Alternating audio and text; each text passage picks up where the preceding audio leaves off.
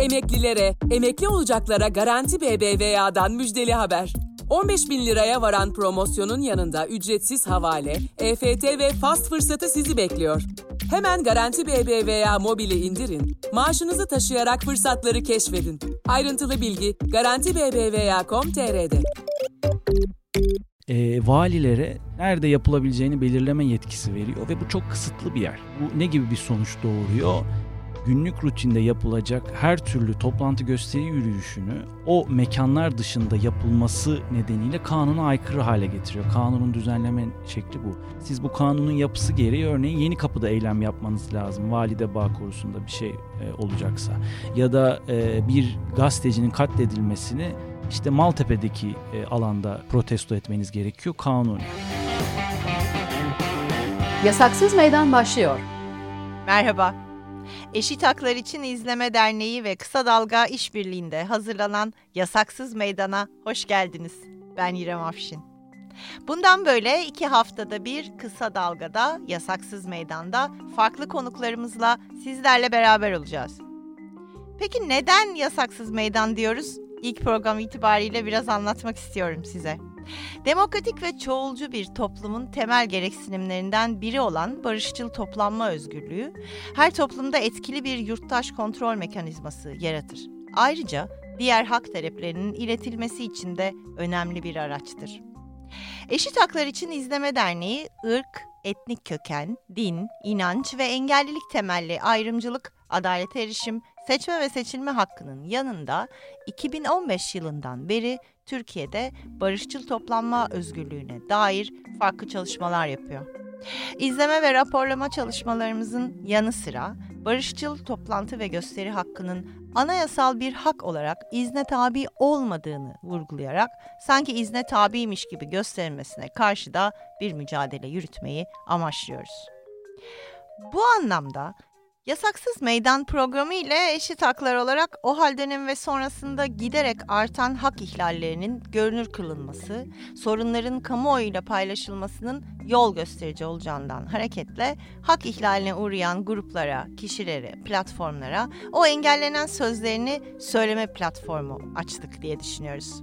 Barışçıl toplanma özgürlüğü standartlarının geliştirilmesi ve hak ihlallerinin önlenmesine de katkıda bulunmayı hedefliyoruz bu programla. Şimdi ilk programdaki konuğumuza merhaba diyelim. Bize barışçıl toplanma özgürlüğü hakkının genel çerçevesini anlatacak akademisyen Berke Özenç ile birlikteyiz. Hoş geldiniz Berke Hocam. Hoş bulduk. Öncelikle teşekkür ederim. Yeni bir program, tamamen yeni ve farklı bir içerik ilk konuğumuz olmayı kabul ettiğiniz için. Hoş geldiniz tekrar. Sağ olun. Ben davetiniz için çok teşekkür ederim. Hocam sizi tanıyarak başlayalım mı biraz? Bize çalışma e, alanınızdan e, biraz bahsederseniz hem konuya da giriş yapmış oluruz. E, ben şimdi Türk-Alman Üniversitesi'nde çalışıyorum. Genel Kamu Kanunu Bilim Dalı'nda. Çalışma alanlarım devlet kuramı ve insan hakları. Daha önce hukuk devleti üzerine devlet kuramı alanında çalışmıştım. Şimdi Nazi döneminin sonunda, Weimar döneminin sonunda Nazi Almanya'sında kamu hukukunun e, araçsallaştırılma sürecine dair çalışıyorum. İnsan hakları alanında da e, inanç özgürlüğü, toplantı gösteri yürüyüşü özgürlüğü ve ifade özgürlüğüne dair çalışmalarım olmuştu. E, bu bir giriş programı ama aslında Yasaksız Meydan'da ne anlatacağız ve neyi ele alacağızı aktarmak istiyorum izleyicilerimize. O yüzden bize biraz hakkı tanımlarsanız, toplantı ve gösteri hakkının genel çerçevesinden bahsederseniz sevinirim önemi nedir insan hakları açısından? Hı hı. Önce sorunuzun ikinci kısmıyla başlayayım aslında önemin, önemiyle bağlantılı olarak.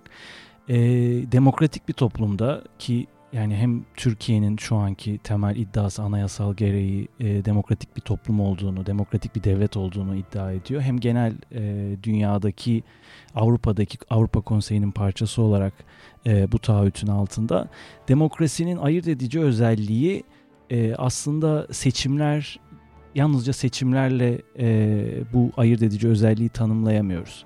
Tarihsel olarak da bu böyle. Aslında kökenlerine de gittiğimizde demokrasinin demokrasinin antik Yunan'da inşasının çok öncesinde e, seçimler kurgulanmış. Aslında demokrasi dediğimiz şey e, her bir bireyin eşit olarak o siyasi alana dahil olabilmesi, sözünü söyleyebilmesi. Ve biz o antik Yunan'dan bugüne karmaşıklaşan modern toplumda o doğrudanlığı kaybettiğimiz ölçüde her bir yurttaşın o siyasi alanda var olmasını sağlayan şey aslında temel hak ve özgürlükler. İfade özgürlüğü, inanç özgürlüğü, toplantı gösteri yürüyüş özgürlüğü bunlardan dolayı herhangi bir kötü muameleye tabi olmama, keyfi olarak gözaltına alınmama gibi. Toplantı gösteri yürüyüşü özgürlüğü bu anlamda demokrasinin o siyasi katılım noktasındaki e, doğrudanlığının kaybolmasını gidermek açısından en temel araç. Çünkü bu e, sadece seçimler arasında e, seçimler arasındaki süreçte bireylerin e, o anki politikalara yalnızca o an yaşayan bireylerin değil gelecek kuşaklarında yaşamını etkileyebilecek politikalara katılması noktasında e, imkan sağlıyor ve e, tabii kolektif bir hareket olması ifade özgürlüğünü de benzer anlamda siyasal bir özgürlük olarak önem taşıdığını söyleriz ama toplantı gösteri yürüyüşü özgürlüğünün tam da biraz önce bahsettiğim gibi her bir bireyin e, katılımıyla gelişebilecek anlık bir tepkinin dışa vurumu olarak demokrasinin siyasi katılım e, unsurunu tamamlayan vazgeçilmez bir öğe olarak tanımlayabiliriz. Biraz uluslararası boyuta da bakalım ama bunu Türkiye ile karşılaştırarak e, yapalım e, istiyorum. Ama öncelikle uluslararası sözleşmeler ve iştihat çerçevesinde dünya genelinde tanımlanmış bir Hı-hı. haktan e, bahsediyoruz. Bir anayasal haktan bahsediyoruz ağırlıklı olarak. E, Türkiye'deki genel durumu birlikte değerlendireceğiz sizinle özellikle o hal ve sonrasında yaşadıklarımıza dair ama e, bu uluslararası iştihat çerçevesinde ne ifade ediyor Hı-hı. bu hak bize? Ee, en temel olarak bu hakkın sizin sunumunuzun başından beri söylediğiniz barışçıl niteliği ön plana çıkıyor. Ee, ve e, bu barışçıl niteliği korunduğu sürece önceden izin almaksızın bu bizim anayasamızın 34. maddesinde de açıkça düzenlenmiş bir unsur. Önceden izin almaksızın her bir yurttaşın bu toplantı gösteri yürüyüşünü kullanma hakkı var. Burada tabii e, bu hak devletin yasaklamama yükümlülüğünü yani negatif yükümlülüğünü beraberinde getiriyor. Ama bundan çok çok daha önemli olarak bu hakkın etkin kullanımı açısından devletin sahip olduğu pozitif yükümlülüklere işaret ediyor. Ne bunlar? İşte e, Türkiye'de de çok gündemde olan mesela bildirim meselesi. Bildirim dahi aslında e, devletin bu süreci kontrol etmesinin bir aracı değil, yurttaşların bu hakkı etkin bir şekilde kullanabilmesi için gerekli tedbirleri almasına dair devlete bir uyarı teşkil ediyor.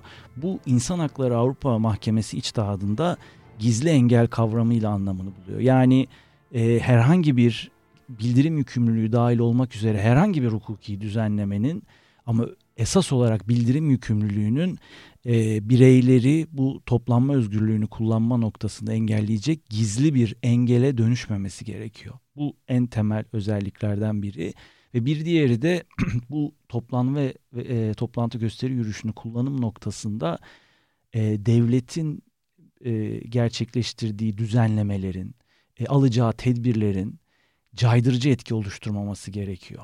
Yani bireyler o toplantı ve gösteri yürüyüşüne katılırken herhangi bir e, yasa dışı, meşru olmayan müdahaleye maruz kalma tehlikesine hissetmemeleri gerekiyor. Hem devlet tarafından hem de üçüncü kişiler tarafından. Dolayısıyla özetle söylemek gerekirse hem konuşmamın başında söyledim. O demokrasinin siyasi katılım unsurunu tamamlayıcı niteliğinden dolayı e, çok temel bir hak. Bu anlamda devletin bu ağırlığına istinaden her türlü e, haksız, ölçüsüz müdahaleden kaçınması gerekiyor. Artı e, bu hakkın önemine binaen bireylerin e, bu e, hakkı kullanımı noktasında her türlü imkanı sağlaması gerekiyor. Tabi barışçılık meselesinde de çeşitli e, İnsan Hakları Mahkemesi içtihadına yansımış unsurlar var. Örneğin yalnızca küçük bir grubun ya da bir kişinin o barışçıl niteliği bozacak eylemleri toplantının bütününe atfedile, atfedilemiyor. E, toplantının başından itibaren var olan bir barışçıl olmayan niyet ya da toplantının bütününe sirayet eden bir niyetin tespiti gerekiyor. Ve son olarak da bugün belki gene konuşacağımız unsurlar çerçevesinde bir giriş olarak devletin yapacağı her türlü müdahalenin de e, ölçülülük ilkesi çerçevesinde gerçekleşmesi gerekiyor. E, bu da e, hem e, önceden alınan tedbirler noktasında hem de toplantı gösteri yürüyüşü sürerken alınacak tedbirler noktasında temel bir kriter olarak öne çıkıyor. Biraz Türkiye'deki güncel ve genel e, durumu konuşalım. Aslında bizde bu e, toplanma hakkı, protesto hakkı, eylem hakkı dediğinizde hep böyle bir irkilerek bakılmasını e, sağlayan noktalardan biri. Belki de biraz önce söylediğiniz neden, nasıl müdahale edildiği veya nasıl güvenlik alındığı. E, o hal ve sonrasında yaşadıklarımızı biraz konuşalım e, istiyorum. Ama en çok da e, düzenli olarak hak ihlaline uğrayan, ne zaman bir söz söylemek istese, bir basın açıklaması yapmak istese veya düzenli bir protesto eylemine devam etmek istese e, sorun yaşayan gruplar ve azınlıklar var. Cumartesi haneleri gibi kadınlar, LGBTQ plus bireyler, işçiler veya KK'liler ki biz önümüzdeki bölümlerde her birine farklı farklı e, söz hakkı da tanıyacağız. Dönemsel ihlalleri de var Türkiye'nin e, çok sık yaşadığımız 1 Mayıs engellemeleri gibi veya Nevroz kutlamasının engellenmesi gibi. Ee, biraz sürekli ihlallerden de bahsedelim istiyorum. Ee, biz eşit haklarda yaptığımız izleme ve raporlama çalışmalarında hak ihlallerini düzenli olarak veri e, anlamında raporluyoruz. E, son dönemde en sık karşılaştığımız konulardan biri valilikler tarafından e, yasaklanan düzenli ve sürekli yasaklar. Ee, burada tabii şöyle bir şey var. Biraz bunu açarsanız size sevinirim hocam. İdare mahkemesine başvuruyorsunuz herhangi bir bu tarz bir yasaklamayla karşılaştığınızda ama bu keyfi ve hak ihlali yaratan yetki kullanımını engellemekte maalesef yetersiz kalınıyor. Çünkü işte diyelim ki çıkan karar 15 günlük kapsıyor. İdare mahkemesi karar verdiğinde genelde 15 günlük süre geçmiş oluyor ve yeni bir yasaklamaya e, bakılıyor. Bazı örnekler vereceğim size anlatırken ama biraz bu sürekli engellenme hali, sürekli hak ihlali hali Türkiye'yi genel durumda ne noktaya getirdiği konuşalım. Bu e, aslında anayasal e, düz anayasayla karşılaştırdığımızda e, to, toplantı gösteri yürüyüşleri kanununun e, içerdiği anayasaya aykırılıklardan kaynaklanıyor. Toplantı gösteri yürüyüşü kanunu ben dünyada da pek bir örneğine rastlamadım mekan yasakları üzerine çalışırken e, valilere yalnızca toplantı yapılabilecek yerleri yani yapılamayacak yerleri değil nerede yapılabileceğini belirleme yetkisi veriyor ve bu çok kısıtlı bir yer. Yani 5-6 yer belirleniyordu şimdi 11'e çıktı İstanbul'da. Aslında bu ne gibi bir sonuç doğuruyor günlük rutinde yapılacak her türlü toplantı gösteri yürüyüşünü o mekanlar dışında yapılması nedeniyle kanuna aykırı hale getiriyor. Kanunun düzenleme şekli bu. Bu spontan bir gösteri içinde geçerli. Yani işte bir yerde bir ağaç kesilecekse bile siz bu kanunun yapısı gereği örneğin yeni kapıda eylem yapmanız lazım. Valide bağ korusunda bir şey e, olacaksa. Ya da e, bir e, gazetecinin katledilmesini işte Maltepe'deki e, alanda e, protesto etmeniz gerekiyor kanunen.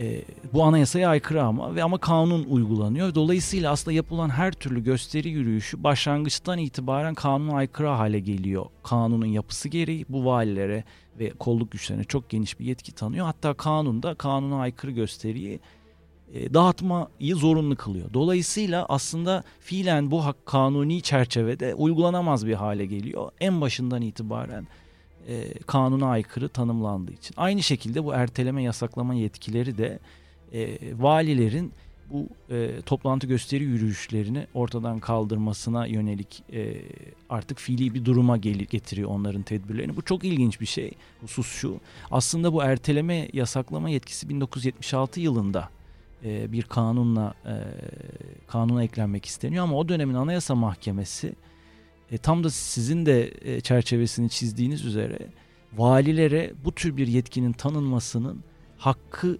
ortadan kaldıracağını, hakkın özüne dokunacağını, bu da aslında bizim anayasamız gereği temel hak ve özgürlüklere müdahale edilirken yalnızca ölçülü olması gerekmez. Aynı zamanda o hakkın özüne dahi dokunulmayacak bir müdahale olması gerekir ama bu öz nedir sorusunun tam da örneği bu. E, çünkü e, bu erteleme ve yasaklar aslında anayasa gereği e, e, müdahale alanı dışında bırakılan yani hiçbir şekilde izne bağlanmayan bu hakkı fiilen izne bağlı hale getiriyor. E, dolayısıyla da sürekli bir yasaklama beraberinde geliyor. uluslararası hukukla kıyasladığımızda aslında burada en kritik nokta e, yasaklamanın bir en son tedbir olması. Bir bu boyutu var. Bu anlamda ölçülük ilkesine aykırı ve sizin sorunuzun başında vurguladığınız farklı gruplar açısından da baktığımızda e, toplantı toplantı gösteri yürüyüşüne müdahalede temel bir kriter o e, katılımcıların görüşleri temelinde bir müdahalenin olmaması. Yani ona göre çünkü her bir hakkın o içine e, mündemiş olan o ayrımcılık yasağı burada da söz konusu.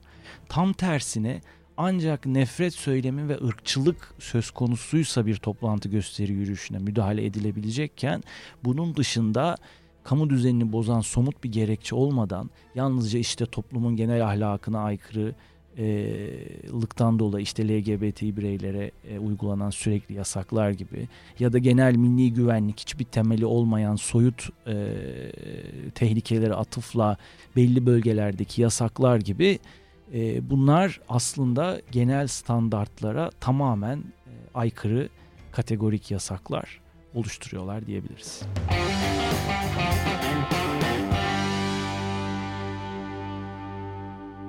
Biraz gruplar bazında e, konuşalım istiyorum. Örneğin cumartesi annelerinin 25 yıldır Galatasaray Meydanı Hı. cumartesi annelerinindir. Zaten o meydanda düzenli olarak her cumartesi açıklama yapabilmek için de çok uzun yıllar boyunca gözaltı, e, polis müdahalesi, e, orantısız güç kullanımı e, ve düzenli yasaklamalarla da Hı. karşılaşmışlardı. E, ancak çok uzun yıllardır bilinir ki cumartesi günleri 12'de cumartesi haneleri Galatasaray Meydanı'nda hmm. açıklamalarını yaparlar. O haftaki hak taleplerini dile getirirler. E, anneleri ve cumartesi insanlarını programa alacağız ama hep söyledikleri bir cümledir benim de çok aklımda e, kalmıştır. O meydan bizim mezarlığımız aslında derler.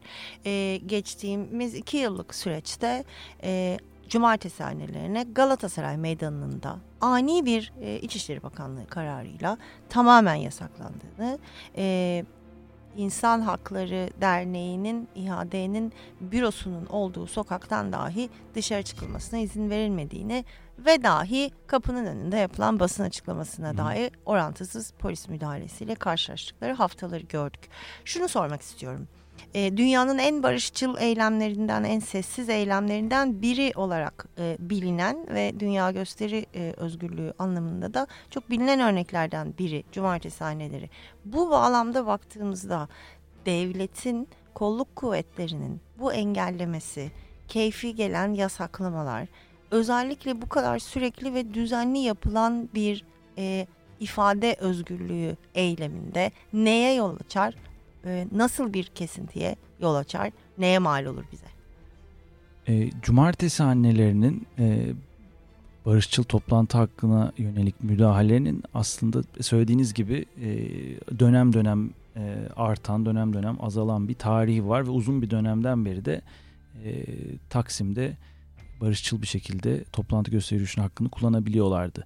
Uluslararası standartlara baktığımızda burada belirleyici öğe e, katılımcıların yeterli bir sürede kendi görüşlerini ifade ede, edebiliyor olmaları, buna devletin izin veriyor olması.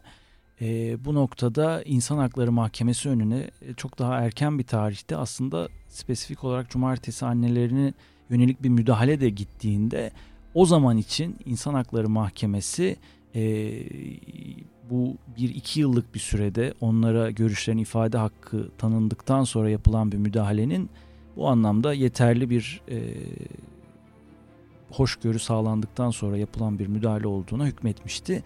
Ama burada kritik husus aslında o talebin içeriği yani ortadaki o e, talep edilen e, kayıpların ortaya çıkarılmasına dair e, talebin karşılık bulmuyor olması bu hakkın e, bu toplantı gösteri yürüyüşünün sürekli olarak kullanılmasının meşru temelini oluşturuyor. Nitekim daha sonra bu İnsan Hakları Mahkemesi kararından sonra da e, devlet müdahalesi olmadan bu haklarını kullanmayı sürdürmüşlerdi. Tabi şimdi yapılan müdahale tamamen e, belirli bir spesifik alanla sınırlı olmadan Taksim'in bütününe yönelik bir yasaklama söz konusu ve e, bu yasaklama e, kritik, kritik olan noktaya baktığımızda çok az bir kişinin bir araya geldiği, çok daha kalabalık da olabilir ama barışçıl niteliği hiçbir şekilde tartışmaya açık olmayan bir eyleme yapılan müdahale konuşmanın başında çizdiğim çerçeve açısından baktığımızda aslında e, bu anlamda bütün toplantı gösteri yürüyüşü hakkını kullanmak isteyen bireyler üzerinde caydırıcı etki doğuran bir örnek oluşturuyor ve bu e, bir yandan o talebin meşruluğuyla kaynaklı her hafta yapılmak istenen toplantı karşısında buna yönelik her hafta yapılan müdahale o caydırıcı etkinin de e, her hafta bütün yurttaşların hafızasına kazınan bir etki doğurmasına yol açıyor diyebiliriz. Hayata kulak ver. Kulağını sokağa aç. Haberi duy. Haber podcastle buluştu. Kısa Dalga Podcast.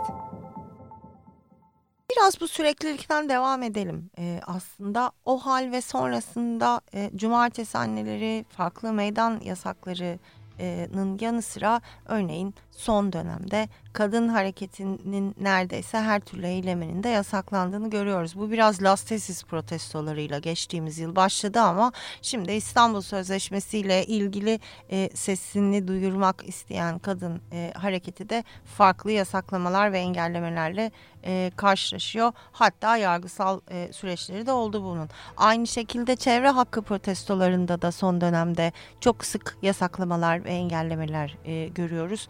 Kolluk kuvvetinin müdahalesini görüyoruz. Gözaltılar görüyoruz.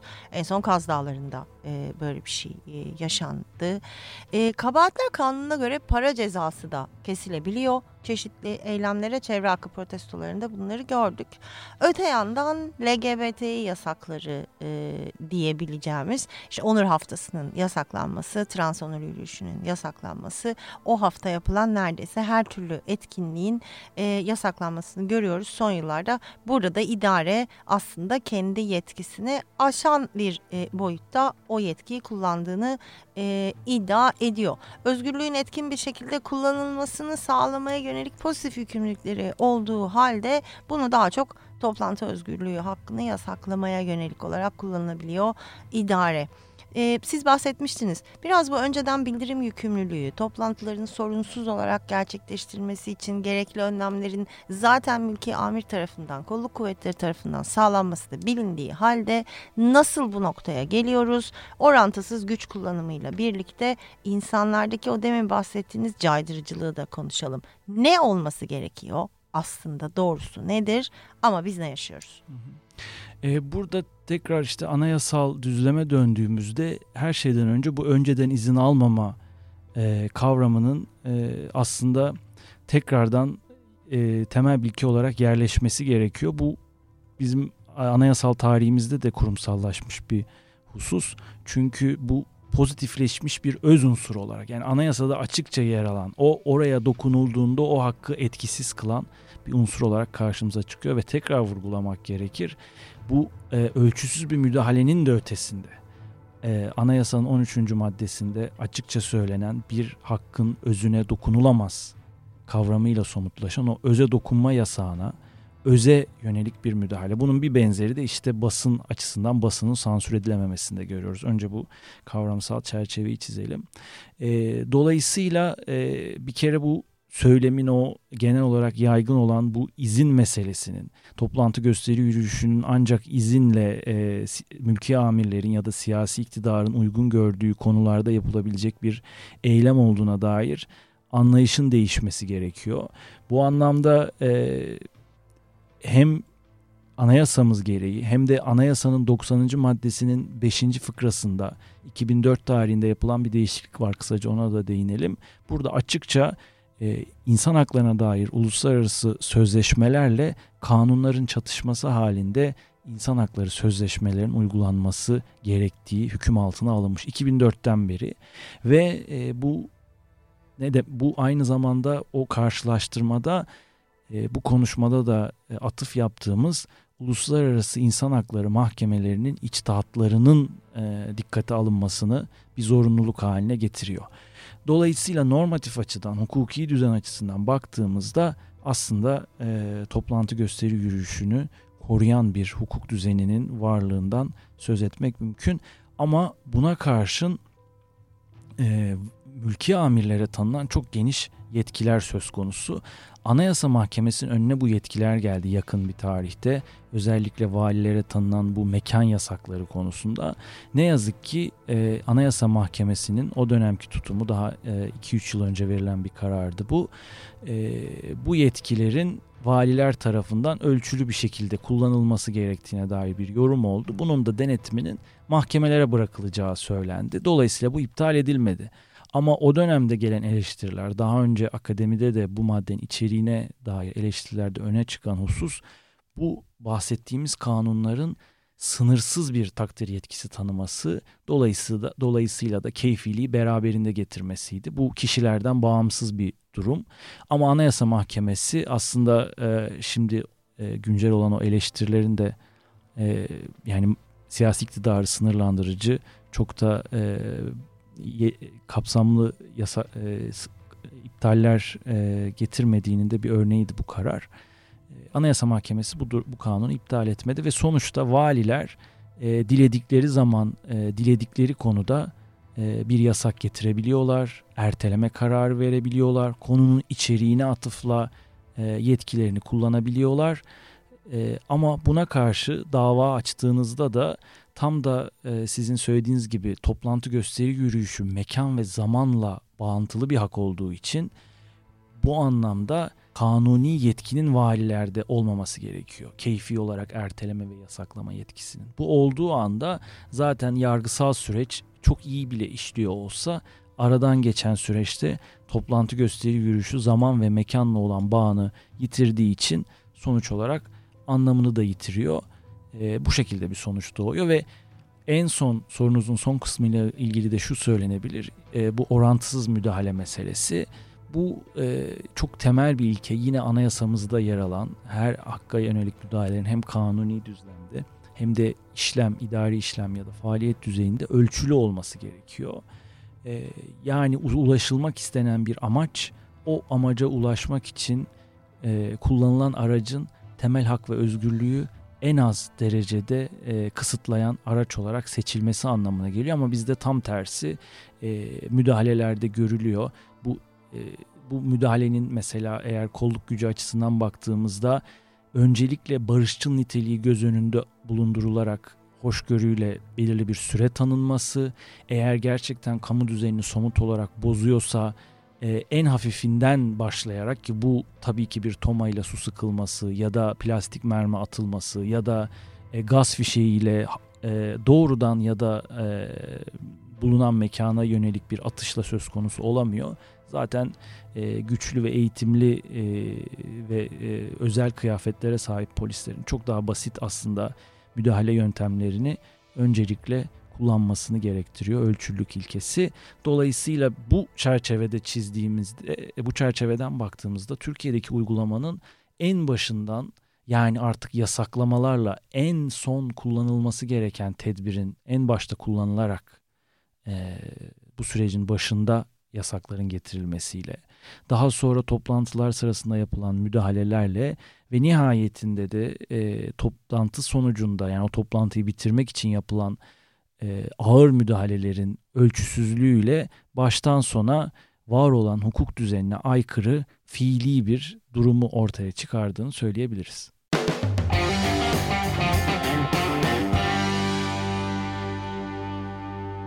8 Mart'ta veya 25 Kasım'da işte kadına karşı yönelik erkek şiddetinin protesto edildiği bir ortamda ağırlıklı olarak kadınların yoğun polis e, müdahalesine maruz kaldıklarını da e, gördüğümüz oldu son yıllarda.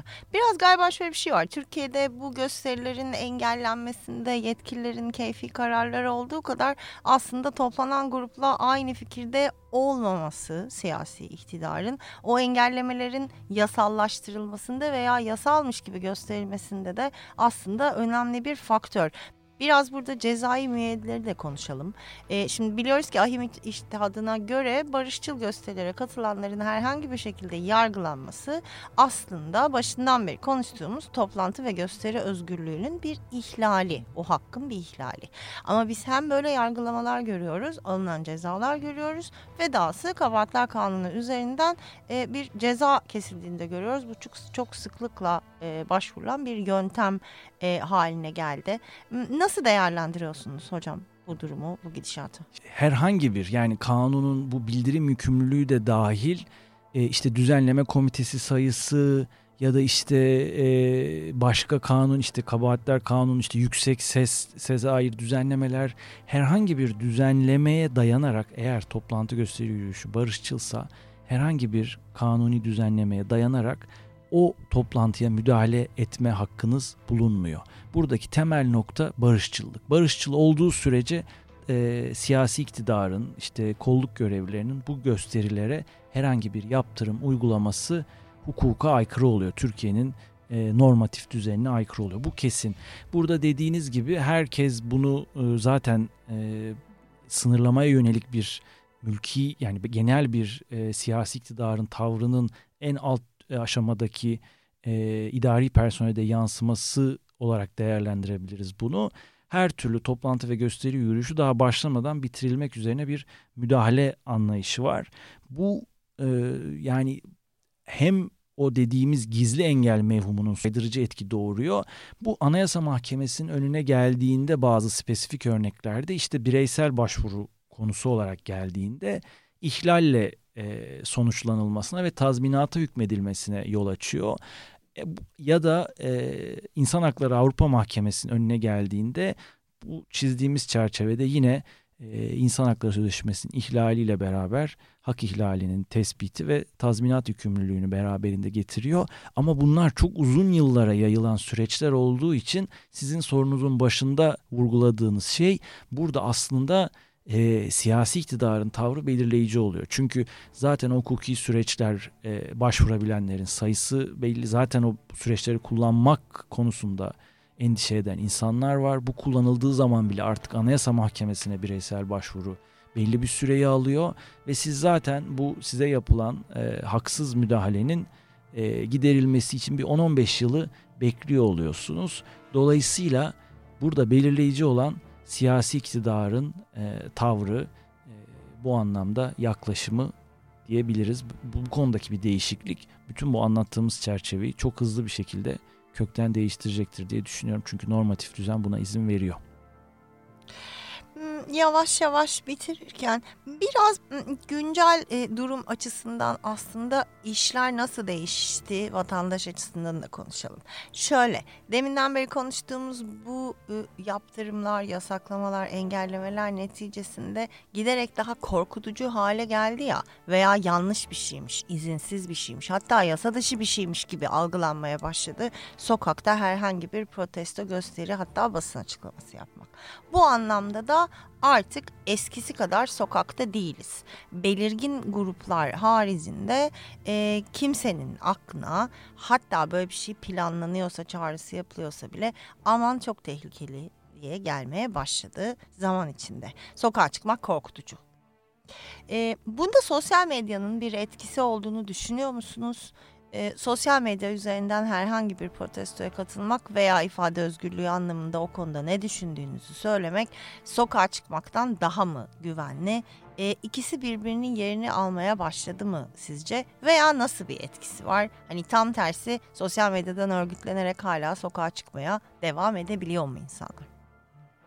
Ee, ben de bu yani e, sosyal medya ortamının bu anlamda insanların görüşlerini dile getirmesi noktasında önemli bir mecra olduğunu düşünüyorum, görüyorum.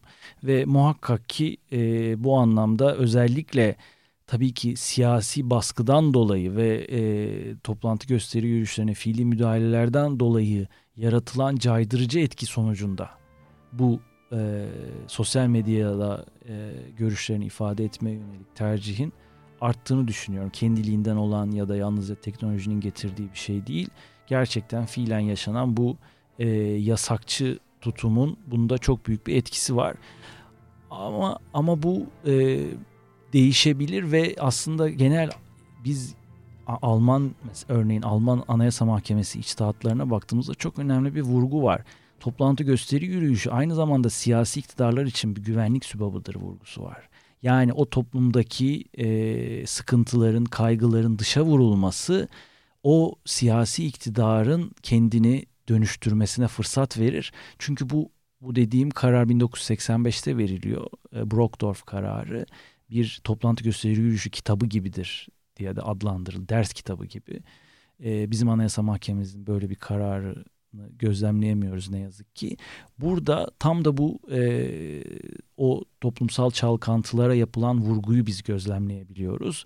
Aslında siyasi iktidarın bunun da farkında olması gerekiyor. Yani bir daha rasyonel bir siyasi iktidar. Çünkü eğer toplumda bir sıkıntı varsa o, o sıkıntı öyle ya da böyle belirli bir zamanda bu tarihsel olarak da baktığımızda her zaman olmuş bir şekilde açığa çıkıyor.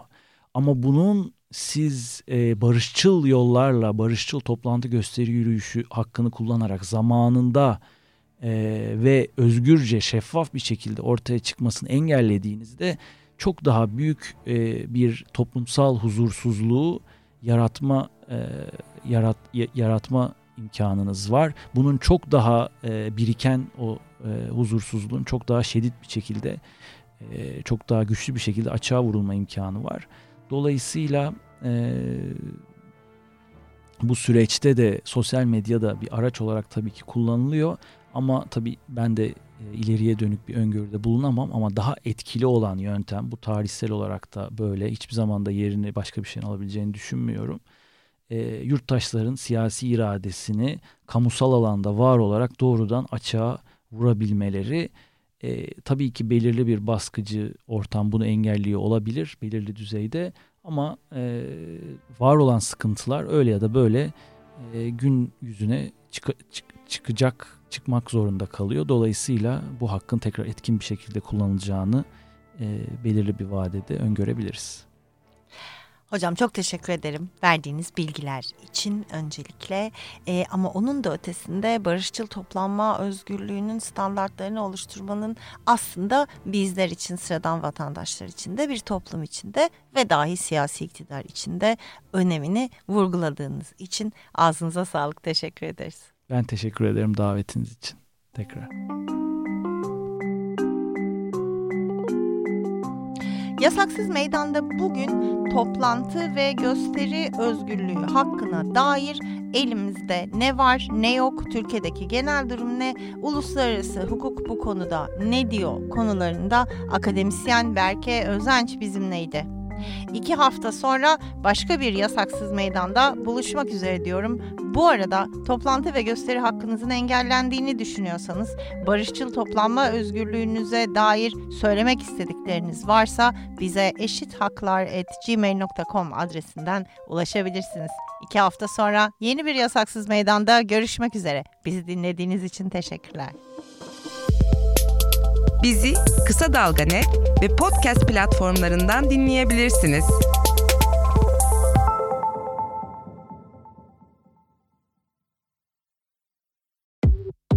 Emeklilere, emekli olacaklara Garanti BBVA'dan müjdeli haber. 15 bin liraya varan promosyonun yanında ücretsiz havale, EFT ve fast fırsatı sizi bekliyor. Hemen Garanti BBVA mobili indirin, maaşınızı taşıyarak fırsatları keşfedin. Ayrıntılı bilgi Garanti BBVA.com.tr'de.